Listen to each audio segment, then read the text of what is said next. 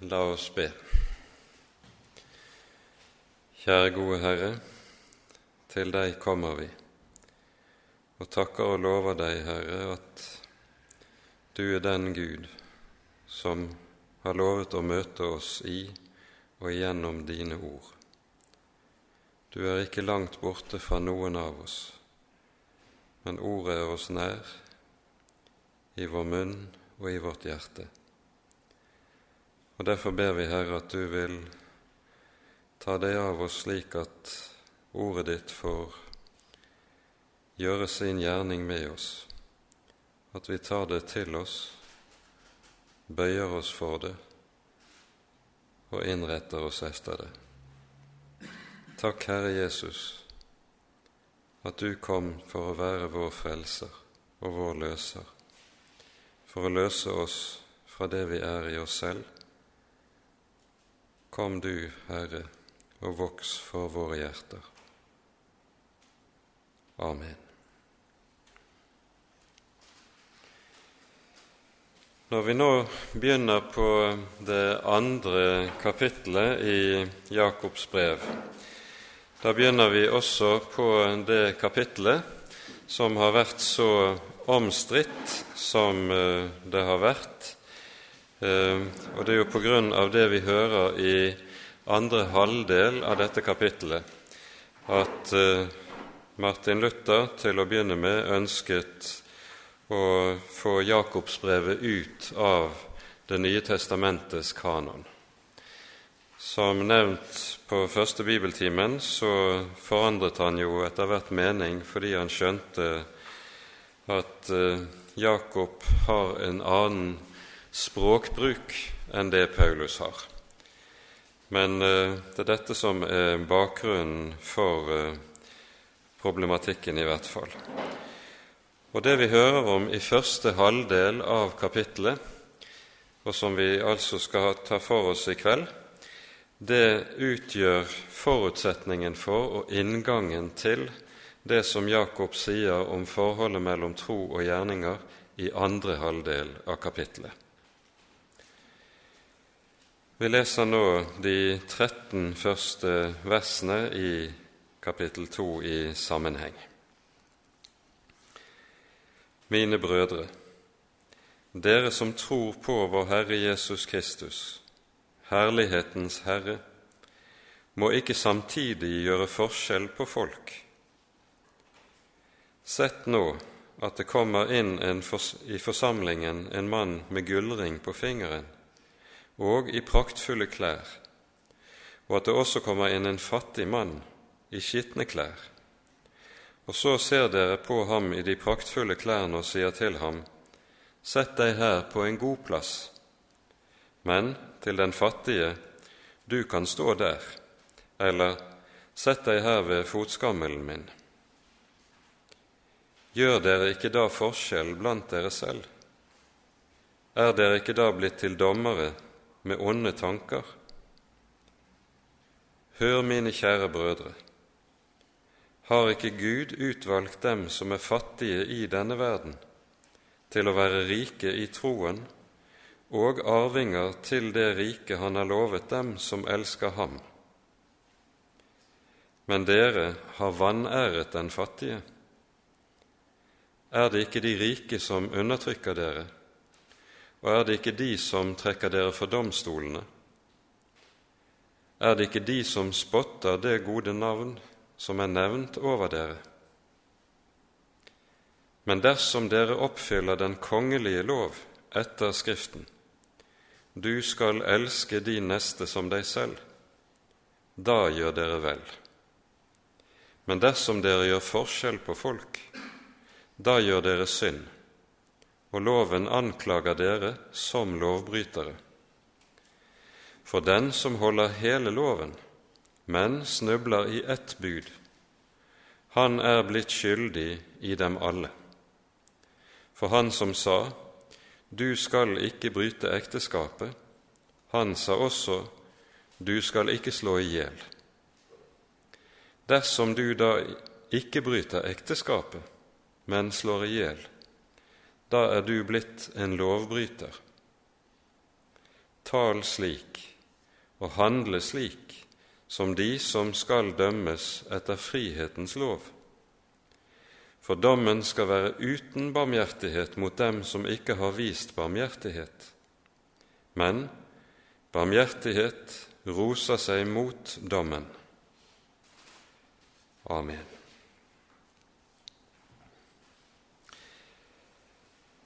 Her begynner altså et avsnitt som antagelig har utgangspunkt i konkrete ting som har skjedd i enkelte menigheter. Og det er meget salt, og det er meget klar og tydelig tale Jakob fører i dette avsnittet. Det som sies i vers 1, var i den gamle 1930-oversettelsen oversatt omtrent slik La ikke troen på vår Herre Jesus være forenet med at dere gjør forskjell på folk.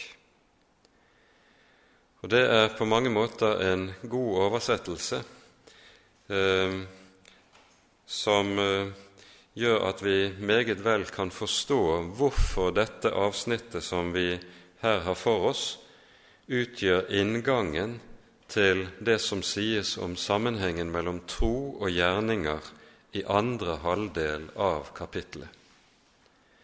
Det er, det er slik at innretter kristne seg på en måte som er i strid med Guds lov, så er det også i strid med troen, det er uforenlig med troen.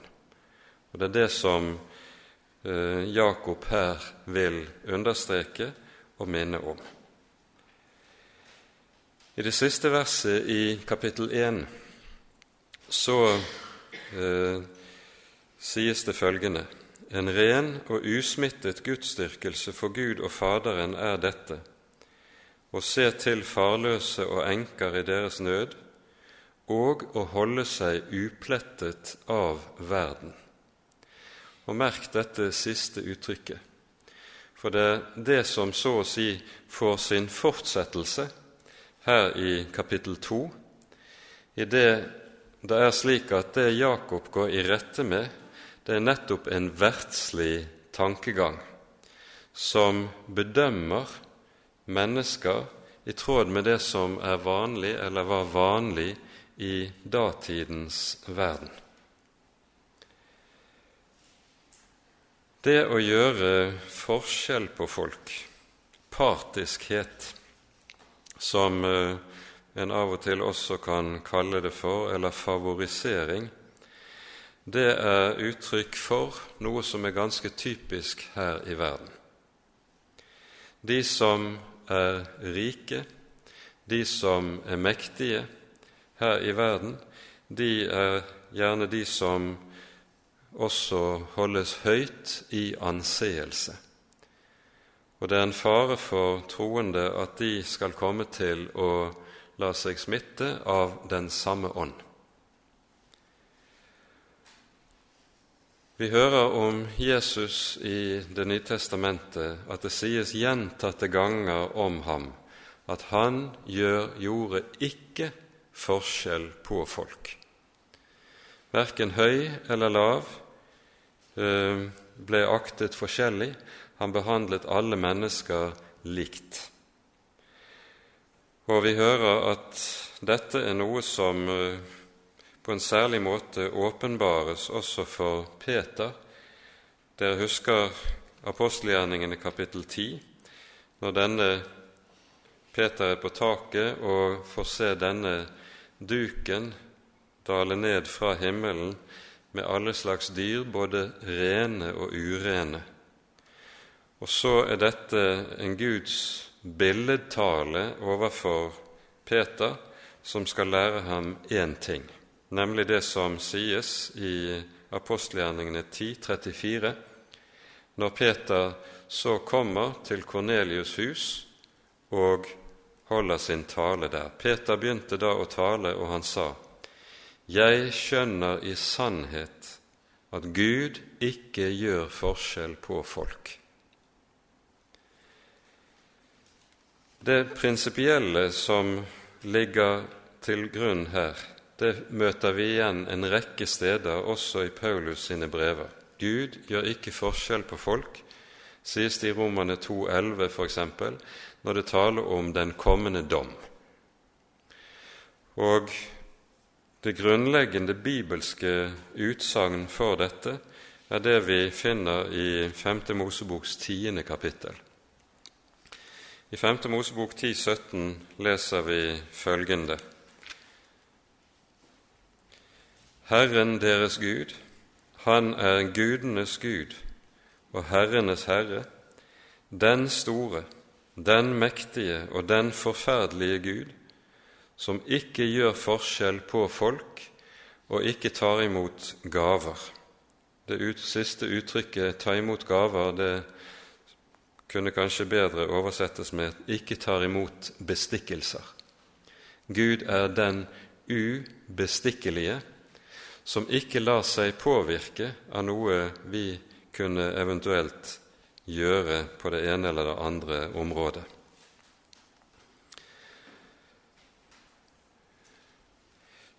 Grunntekstens uttrykk når det taler om å gjøre forskjell på folk, det er et ord som er direkte oversatt fra hebraisk. Det er nærmest en, det som kalles for en hebraisme. Det er å se på folks ytre eller på folks ansikt. Og Med det så skjønner vi at det å gjøre forskjell på folk, det er nettopp det å gi akt på noe som er rent ytre, mens når det gjelder menneskets grunnleggende stilling overfor Gud, så er alle mennesker like og står prinsipielt like overfor ham. Dette som vi ser i verden, det er noe som har vært karakteristisk for denne verden gjennom alle tider. Og dessverre, i den periode av den kristne kirkes historie som man kaller for den konstantinske periode, hvor statsmakten og Kirken inngikk i allianse, der kom det til å bli slik at de som var betydningsfulle i verden, de fikk også en særlig stilling og plass i kirkene. Mange vil huske også hvordan det har vært i, kirker, i, i gamle kirker i vårt eget land, hvor de adelige, hvor eh, futen og lensmannen hadde særlige plasser i kirken, hedersplasser. Dette er nettopp uttrykk for hvordan verden på ulike måter har hatt gjort sitt inntog i også den kristne menighet. Vi skal legge merke til et særlig uttrykk som anvendes her i det første verset i kapittel 2. Her i i Norsk bibel er det oversatt 'Vår Herre Jesus Kristus, herlighetens Herre'. Det er et meget sjeldent uttrykk i Det nye testamentet, som i Det gamle testamentet utelukkende anvendes om Han som er Israels Gud. Han er den som kalles herlighetens Herre.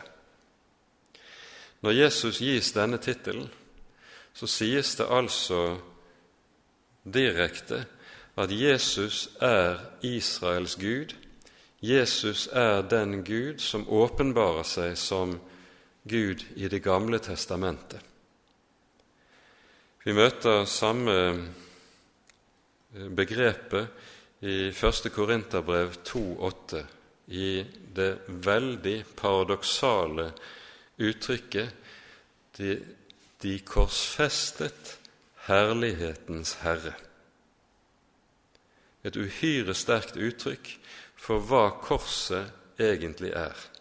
Det mennesket som korsfester og dreper sin Gud. Det er det som skjer på korset. Det er altså samme uttrykket som anvendes om Jesus her, og det er viktig å være oppmerksom på hvorledes Bibelen bruker denne typen formuleringer. Det siste vi skal understreke mer allment når det gjelder det vi hører i vers 1, det er dette. La ikke troen på vår Herre Jesus være forenet med Og så sies det at dere gjør forskjell på folk. Men dette kan forlenges mer allment til å gjelde alle typer synd.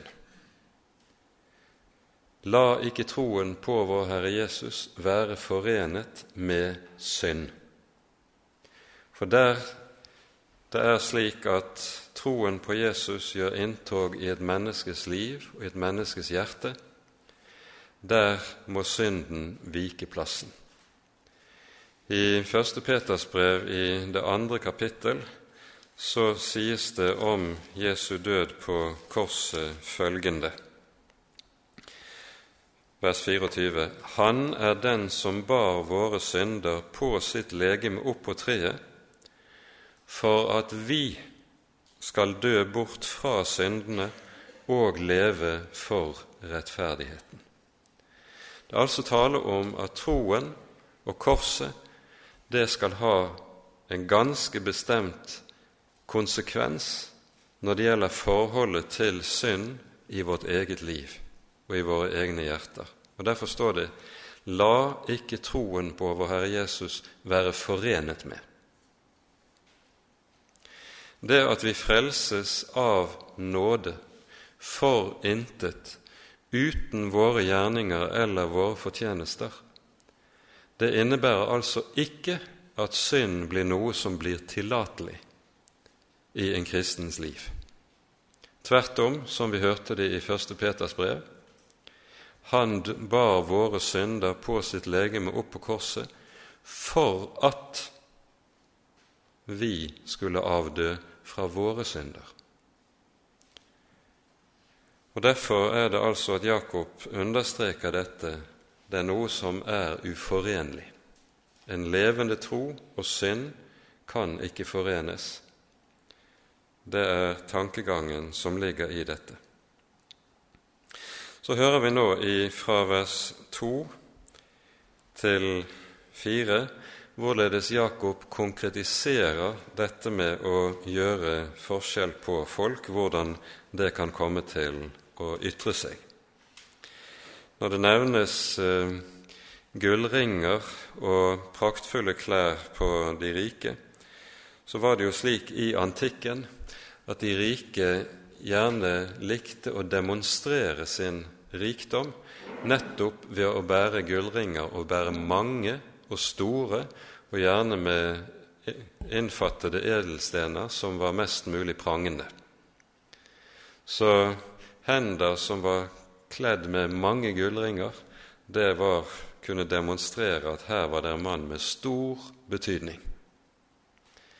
Og Nettopp på grunn av dette så hører vi en av kirkefedrene, Klemens av Alexandria, anbefale de troende at hvis de skal bære ring, så får de nøye seg med én, og det må være en liten som er på lillefingeren, og den bør i tilfelle kun ha ett symbol, enten en due eller en fisk.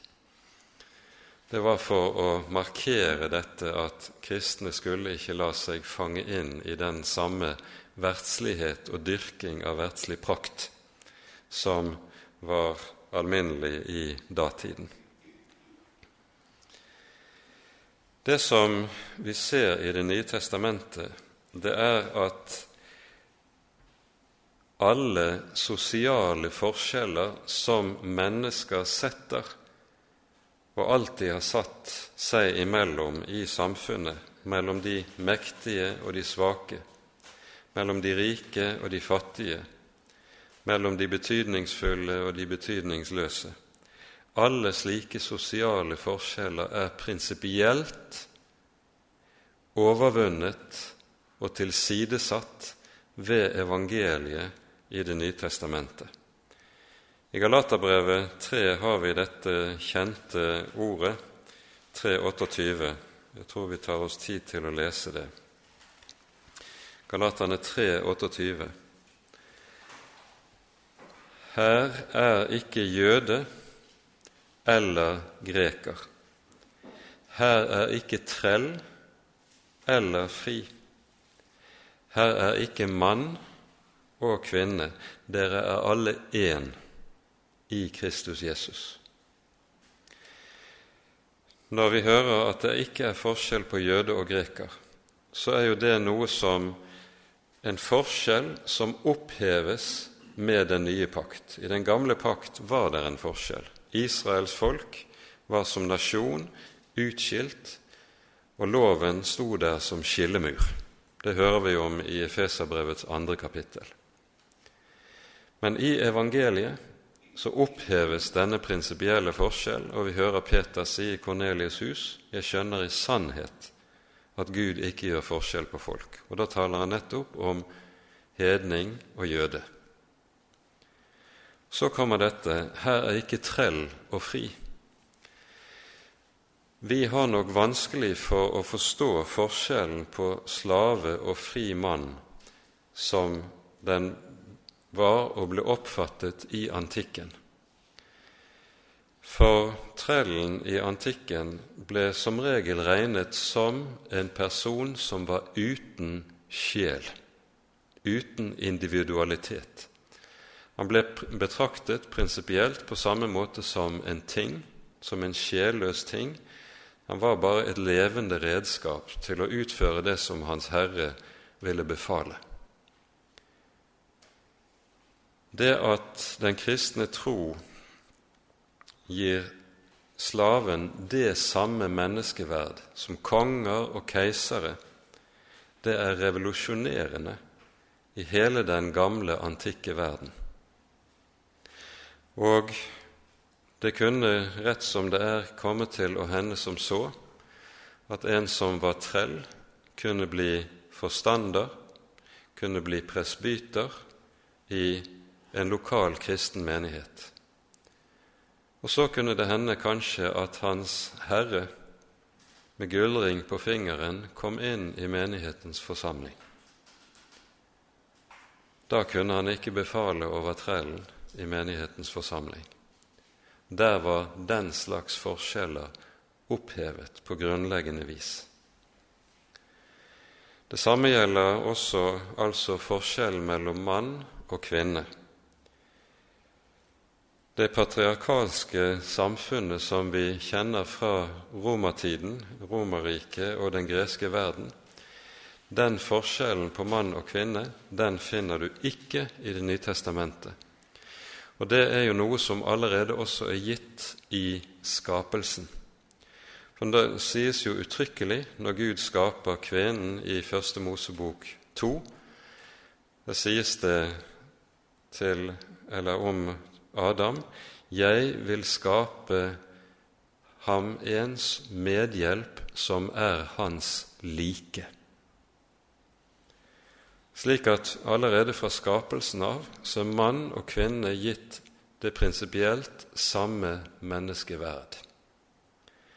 Dette var ikke tilfellet i datidens romerske og greske omverden.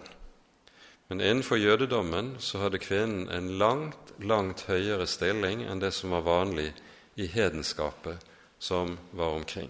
Vi skal ikke gå mye inn på dette, men poenget er i alle fall for Gud er alle like. For Gud skal alle dømmes på de samme premisser og på de samme vilkår. Og den forskjellsbehandling som vi mennesker ofte utsetter andre for, det er noe som ikke skal gjelde innenfor den kristne menighet. Nå er det slik at det som Jakob med dette advarer mot Vi minner igjennom avslutningen på vers 27 i foregående kapittel.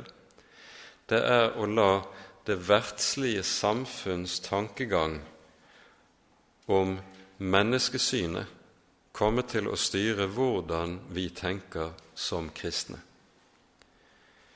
I vår tid, hvor det hersker en grunnleggende sosial likhet mellom mennesker, er det andre typer påvirkning fra det omkringliggende samfunn og dets menneskesyn som vi kan stå i fare for å la oss prege av. Og så er det nødvendig for en kristen å ha den tilstrekkelige våkenhet i forhold til at han ikke lar den gjengse tankegang i samfunnet prege hvorledes han forholder seg til andre mennesker og til menneskesynet rent prinsipielt. Det er Bibelens måte å undervise om menneskeverdet som skal ligge i bunn for all vår tenkning. Vi minner bare om én sak her i vers 2 som kan være viktig å være oppmerksom på. Vers 2 innledes med ordene Sett nå at det kommer en inn i forsamlingen. Så er det ordet som er oversatt med 'forsamling' her, det er ordet 'synagoge'. Eh, ordet synagoge det betyr bokstavelig eh, at men, det er et sted der mennesker er blitt ført sammen. Eh, for altså å samles for Guds ansikt. Og så er kanskje forsamling nettopp et nøyaktig, en nøyaktig oversettelse av grunntekstens ord, synagoge. Det som det begrepet antagelig sier i denne sammenheng, det er nettopp at Jakobs brev er skrevet til jødekristne som fortsatt enten samlet seg i den lokale synagogen, eller alternativt at de hadde så å si sitt eget forsamlingshus, som likevel var så eh, preget av den jødiske arv at de fortsatt, fortsatte å kalle dette for synagoge i stedet for eklesia, som jo ble benevnelsen på menighet og kirke senere.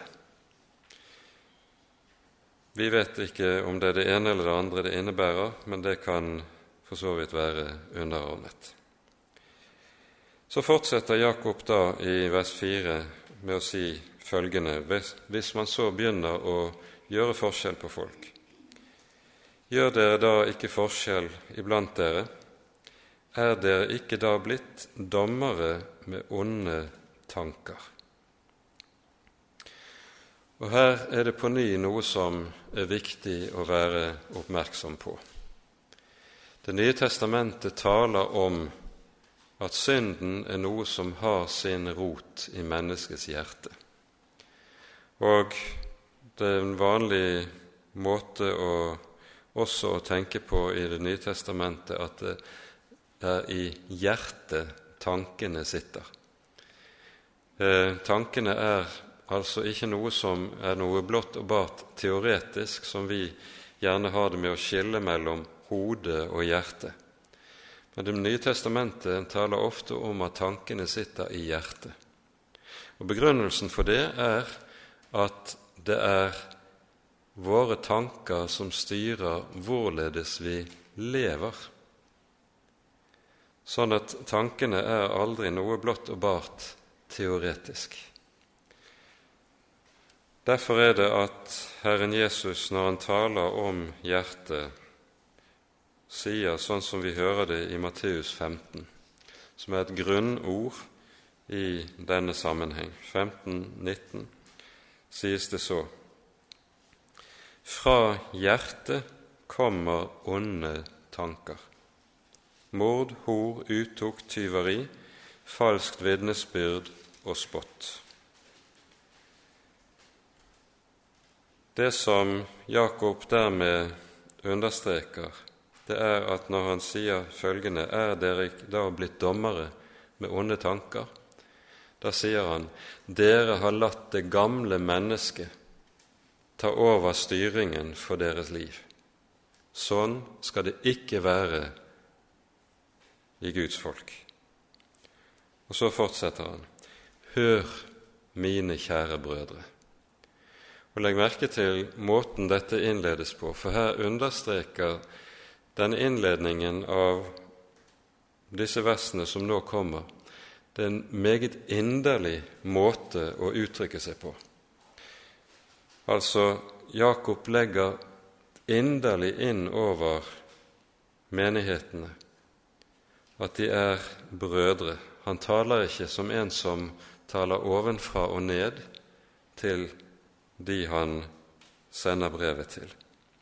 Og så følger det Har ikke Gud utvalgt dem som er fattige i denne verden, til å være rike i troen og arvinger til det rike han har lovet dem som elsker ham? Og Her møter vi på ny en grunntanke i evangeliet.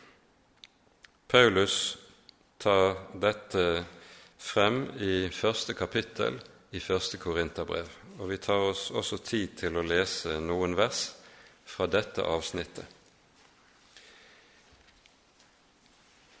Fra vers 26 i første Korinterbrev 1 hører vi følgende.: Brødre, Legg merke til det kall dere fikk. Ikke mange vise etter kjødet ble kalt, ikke mange mektige, ikke mange av høy ett. Men det som var dåraktig i verden, det utvalgte Gud seg for å gjøre de vise til skamme. Det som er svakt i verden, det utvalgte Gud seg for å gjøre det sterke til skamme. Det som er lavt i verden, det som er foraktet, det utvalgte Gud seg, det som ingenting er, for å gjøre det til intet som er noe, for at intet kjød skal rose seg av Gud. Det vi hører i dette avsnittet i første Korinterbrev, er hvorledes Paulus legger frem det som kalles for korsets teologi. Og Korsets teologi det er et uttrykk som ikke først og fremst betegner at troen på Jesu kors, på Jesu død for vår skyld, er det sentrale i teologien. Men korsets teologi det er en benevnelse på det at det kors som vår Herre Jesus bar, det er et kors som også legges inn over de troendes liv, over alle de som hører ham til. Fordi Gud har gjort det valg at han åpenbarer seg her i verden under sin tilsynelatende motsetning. Det som jo skjer på korset, det er at den allmektige Gud tilintetgjør synden, tilintetgjør døden, avsetter djevelen fra hans herrevelde. Og nettopp dette er uttrykk for Guds allmakt. For det er bare Guds allmakt som kan gjøre dette. Men hvordan ser dette ut i det falne menneskets øyne? Korset ser jo ut som svakhet, som nederlag, som det ynkeligste og mest vanærende av alt.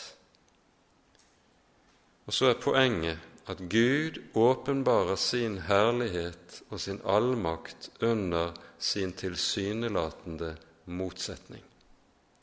Det største åpenbares i det som er lite.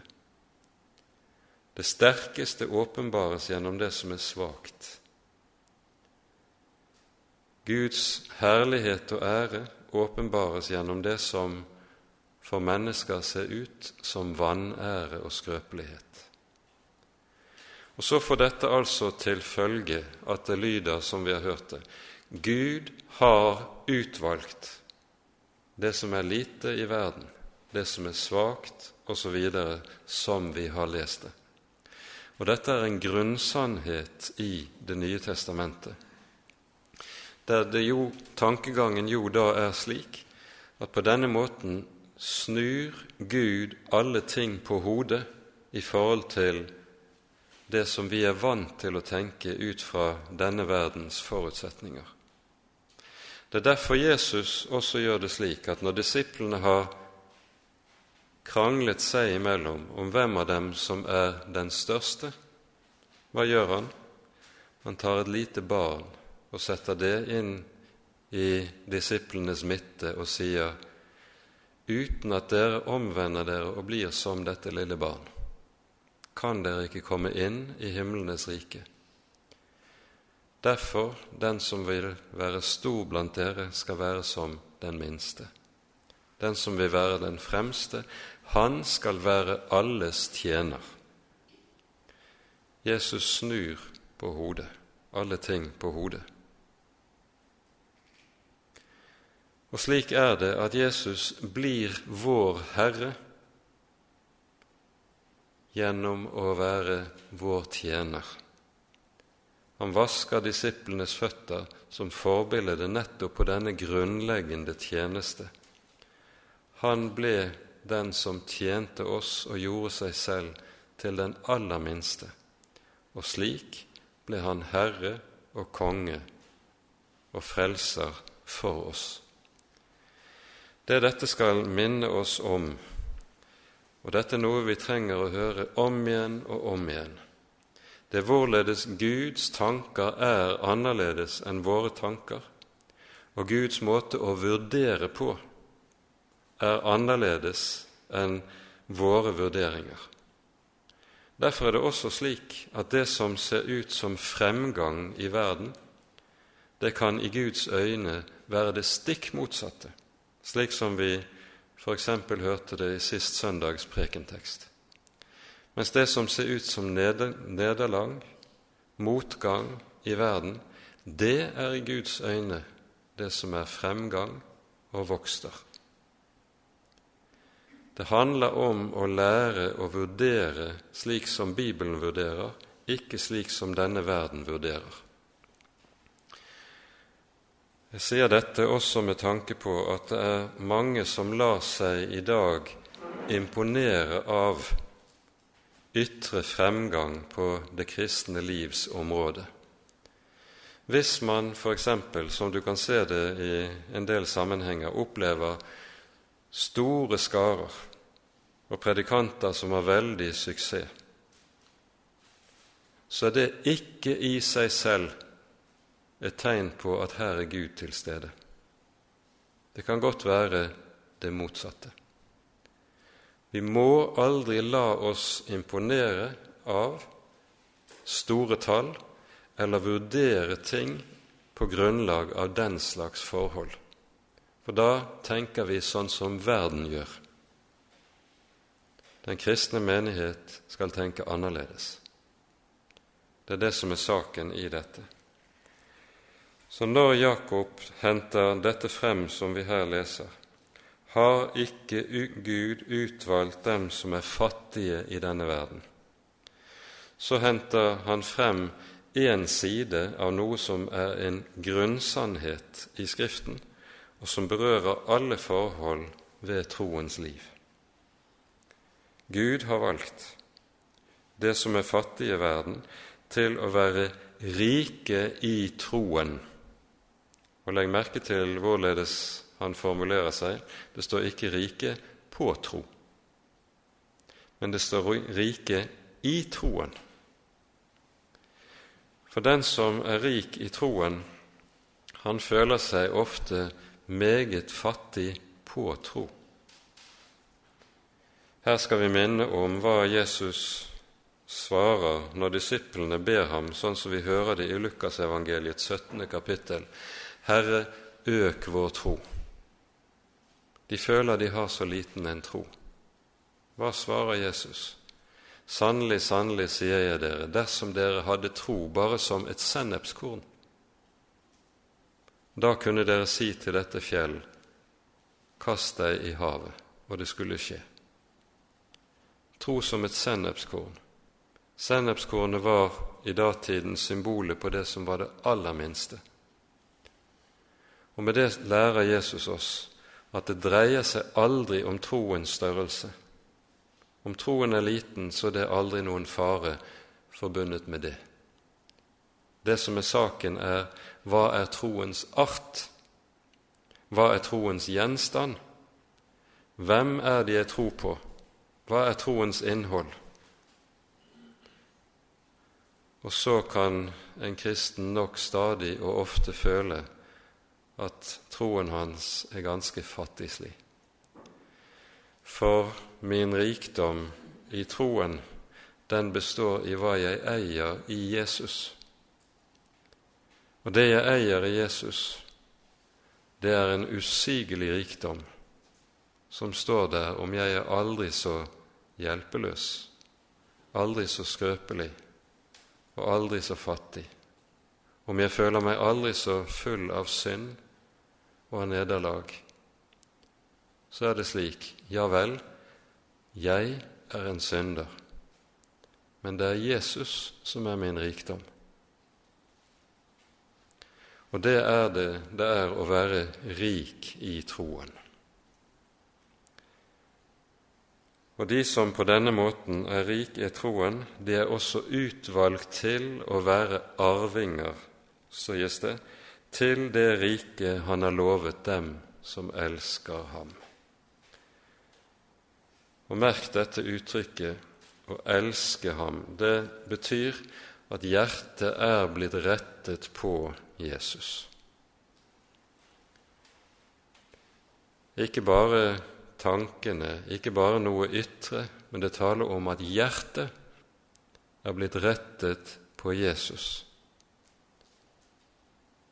Da om det er det uttrykket altså brukes de som elsker ham. Nå fortsetter Jakob med følgende.: Men dere har vanæret den fattige.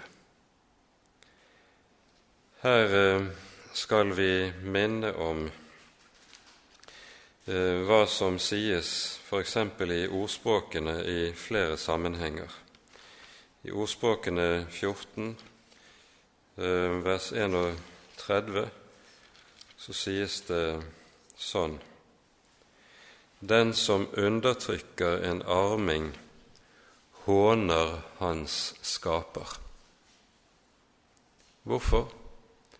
Fordi Guds bilde er nedlagt også i den fattige. Å undertrykke og forakte et annet menneske, det er dypest sett alltid uttrykk for å forakte Gud selv, som har lagt sitt bilde ned i hvert enkelt menneske. Vi finner samme talemåten flere andre steder, også i ordspråksboken. Så fortsetter han med å si litt om hva som kjennetegner disse rike, som menneskelig talt det er så fristende å ære fremfor andre, men som de altfor godt kjenner til realiteten av i verden omkring. Er det ikke de rike som undertrykker dere? Er det ikke de som trekker dere for domstolene? Er det ikke de som spotter det gode navn som er nevnt over dere? Ja, dette hadde de rikelig erfart, også de kristne. Det vi hører i vers 7, det kan være viktig å legge merke til når det sies 'det gode navn som er nevnt over dere', da siktes det til dåpen. For når et menneske ble omvendt til Jesus og så døpt, så lød Jesu navn over den som da ble døpt. Jesu navn ble lagt på den som ble døpt. Og betydningen av dette er, stammer fra rettspraksis i samtiden, der det var slik f.eks. For i forbindelse med en eiendomsoverdragelse. Hvis en mann solgte et landstykke, så måtte dette stadfestes juridisk og rettslig. Og så skjedde det ved at den nye eierens navn ble ropt ut over det nye landstykket. Det ble nevnt over landstykket. Det samme skjedde hvis en mann kjøpte en slave så ble den nye Herrens navn ropt utover, nevnt over hans eier. Og det er det som så si skjer i forbindelse med dåpen. Jesu navn blir ropt utover, og dette er en betegnelse som sier at nå er det Jesus som er dette menneskets eier og herre. Jeg tilhører Jesus når Jesu navn er, på denne måten er nevnt over. Det er en annen sak som kan være viktig å legge merke til i dette verset også. For i apostelgjerningene kapittel 15, hvor vi hører om apostelmøtet i Jerusalem, der hører vi jo også at Jakob holder en tale i forbindelse med nettopp apostelmøtet. Og Det vi der hører, er at Jakob anvender nøyaktig det samme uttrykk som vi her finner. Og det er bare Jakob som anvender dette uttrykket i Det nye testamentet. Og Jakob anvender det her i apostelgjerningene 15 i forbindelse med at han siterer teksten fra Amos kapittel 9, vers 11, der det er det eneste stedet i Det gamle testamentet der Herren lover at Hans navn skal nevnes også over hedningefolkene. Ikke bare over Israels folk, altså, men også over hedningefolkene. Og det er dette som nå hentes inn i denne sammenheng. Når vi nå kommer til vers 8, da hører vi motsetningen til det å gjøre forskjell på folk. Men dersom dere oppfyller den kongelige lov etter Skriften, du skal elske din neste som deg selv. Da gjør dere vel. Legg merke til at nestekjærlighetsbudet kalles for den kongelige lov, og så sies det etter Skriften. Det er mange moderne mennesker som tror at kjærlighetsbudet som vi her hører, du skal elske din neste som deg selv, det er noe som er spesielt for kristendommen, og som Jesus var den som kom og lærte menneskene. Men saken er jo at dette står i Tredje Mosebok. Tredje Mosebok 1918 er det vi finner dette nestekjærlighetsbudet. Så når Jesus understreker betydningen av nestekjærligheten, så gjør han det nettopp ved å vise til Moselov. Tredje Mosebok, kapittel 19. Og den gylne regel som vi finner i Matteus 7,12.: Alt det dere vil menneskene skal gjøre dere, mot dere, det skal dere gjøre mot dem. Det er en enkel og klar konkretisering av hva som ligger i nestekjærlighetsbudet. Det kalles den kongelige lov. Det er et uttrykk som kan bety flere ting. Det kan for det første bety den lov som er den høyeste lov, altså den lov som står over alle andre lover og er retningsgivende for alle andre lover. Slik er det Paulus f.eks. utlegger dette i Romerbrevet kapittel 13, der vi hører han taler, henter også frem kjærlighetsbudet og sier at alle de øvrige budene i de ti bud Han lister opp en de fleste av de ti bud etterpå, det er konkretiseringer av kjærlighetsbudet. Altså, I Det nye testamentet ser du ikke, sånn som det ofte gjøres i dagens situasjon, at man spiller de konkrete bud ut mot kjærlighetsbudet, som om det var en motsetning mellom kjærlighetsbudet og de ti bud. Tvert om, de ti bud er konkretisering av kjærlighetsbudet. For det andre kan det kalles den kongelige lov fordi dette er en lov som er gitt av ham som er kongenes konge. Altså han som står over alle andre konger og all annen lovgivning som menneskene måtte kunne finne på.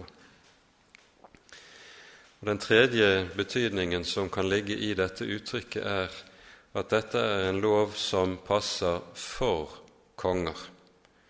Det vil si at da ligger det underforstått en skjult henvisning til det som vi talte om forrige gang når vi talte om det allmenne prestedømmet, der det sies 'dere er et kongerike av prester'.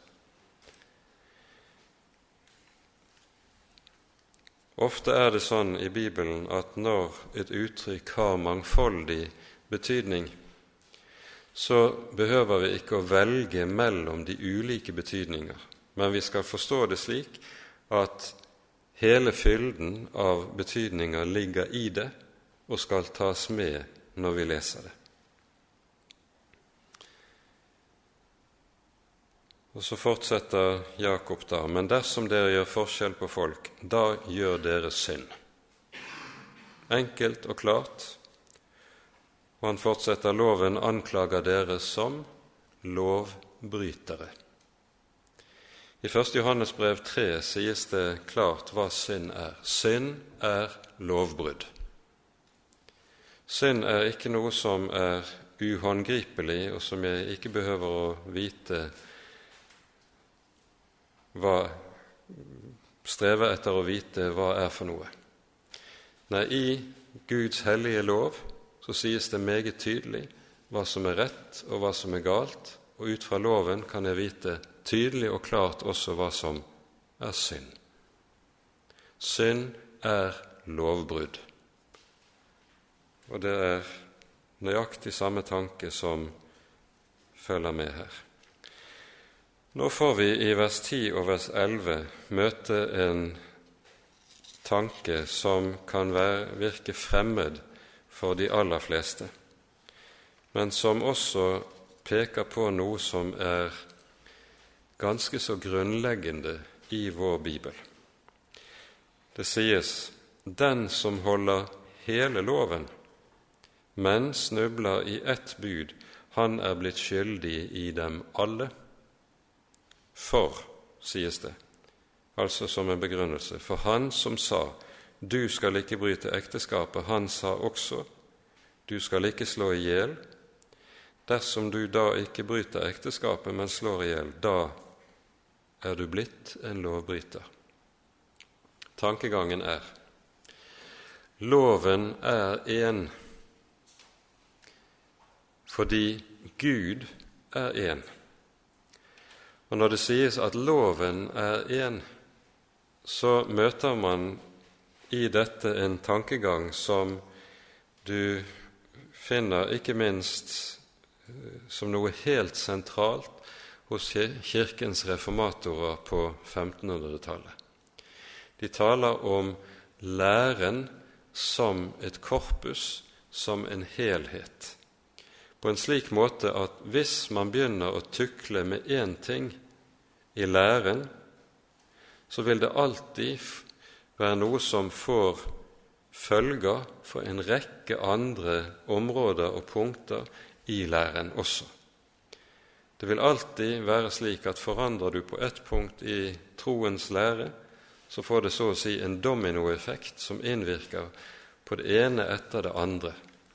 Ofte ser man ikke umiddelbart disse følgene. Ofte vil det gå noe tid før man ser konsekvensene. Men denne enhet i læren, dette at Guds ord er en enhet, et korpus, som han sa det, det er det, dette som Jakob her understreker. Og Det henger sammen med altså denne grunnsannhet at Gud er én. Og Derfor er Hans ord også ett. Det er udelelig. Um, samme måten å tenke på og forkynne på møter vi også hos Paulus i Romerbrevets tredje kapittel. Vi tar oss tid til å lese dette, de par versene. Det er slutten av Romerbrevet kapittel tre.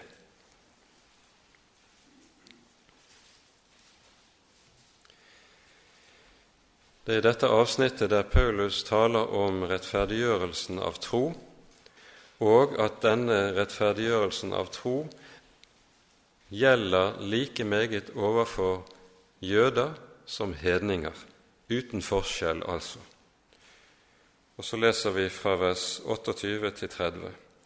For vi er overbevist om at mennesket blir rettferdiggjort ved tro uten lovgjerninger.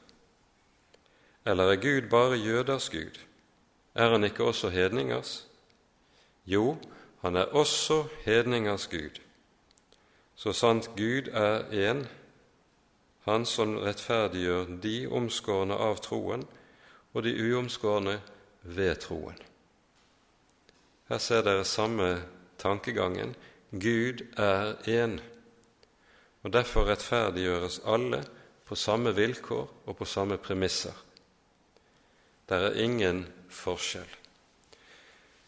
Og det er dette som altså ligger bak det samme tankegang som ligger bak det vi hører her i Jakob 2, 10 og 11.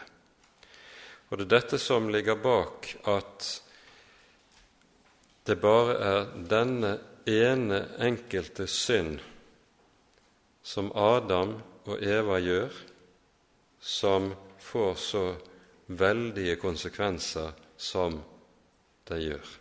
De faller bare i én ting, men fallet får konsekvenser for alt.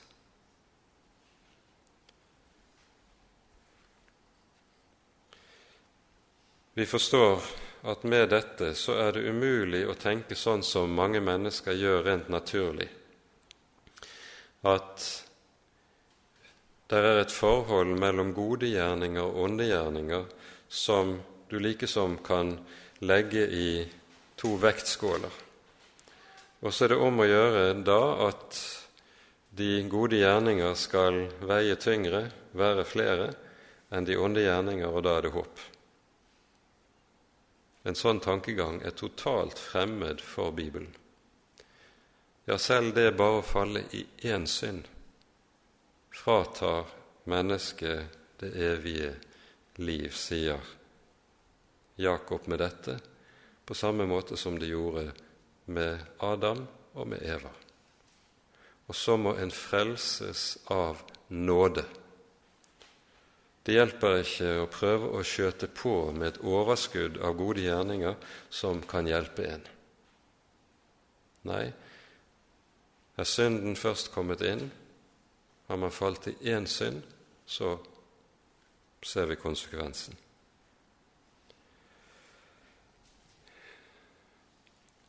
Så slutter avsnittet vårt med disse to ordene tal slik og handle slik, som de som skal dømmes etter frihetens lov. For dommen skal være uten barmhjertighet mot dem som ikke har vist barmhjertighet men barmhjertighet roser seg mot dommen. Det Jakob her henter frem, det er at det å leve i bevisstheten om at å være menneske, det er også å stå ansvarlig overfor Gud med sitt liv, og at det altså også kommer en dommens dag. Det er en grunnleggende tale i Bibelen som menneskene har det med å skyve unna av det ubehag som en slik bevissthet fører med seg. Men Jakob og hele vår bibel er meget tydelig på dette. Det hører med til evighetsperspektivet i vår bibel, og det hører ikke minst med til Bibelens tale om hvem Gud er. Han er vår dommer. Og du og jeg skal en dag møte Han som er vår dommer. Å innrette seg med tanke på det, ta følgen og konsekvensen av det, det er det Bibelen kaller for klokskap.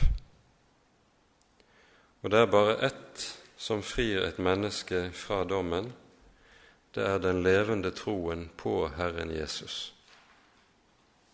Det er intet annet. Det er bare ett som frir mennesket fra dommen, sånn som vi f.eks. også kan høre det i Johannesevangeliet kapittel 5. Den som tror på Sønnen, kommer ikke til dom, men er gått over fra døden til livet. Denne levende tro, troen på Jesus, har altså det med seg, som vi har lest her i Jakob 2, at den samtidig også er uforenlig med synd. Derfor vil det stå der en kristen er en synder. Han er samtidig rettferdig og synder, men han kan ikke leve med i fred med synden i sitt eget liv. Og med det setter vi punktum for dagens bibeltime. Ære være Faderen og Sønnen og Den hellige ånd, som var og er og være skal, en sann Gud, høylovet i evighet. Amen.